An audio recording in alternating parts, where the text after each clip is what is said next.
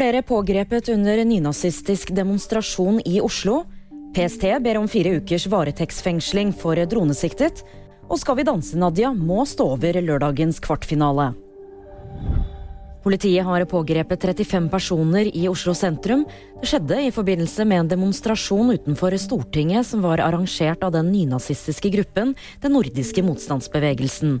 Medlemmer av gruppen skal ha nektet å følge politiets føringer. Det er politiets utgangspunkt at vi legger forhold til rette for ytringsfrihet, men det krever en viss dialog, og den var ikke til stede i dag.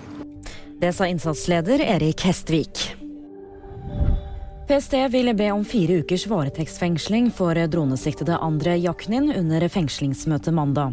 Jaknin er sønn av en russisk forretningsmann med bånd til Vladimir Putin.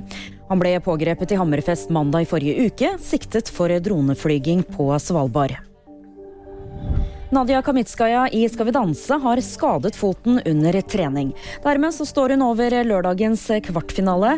Neita Kaungu må derfor danse med en vikar under kveldens sending. Og det var VG nyheter. De fikk du av meg, Julie Tran.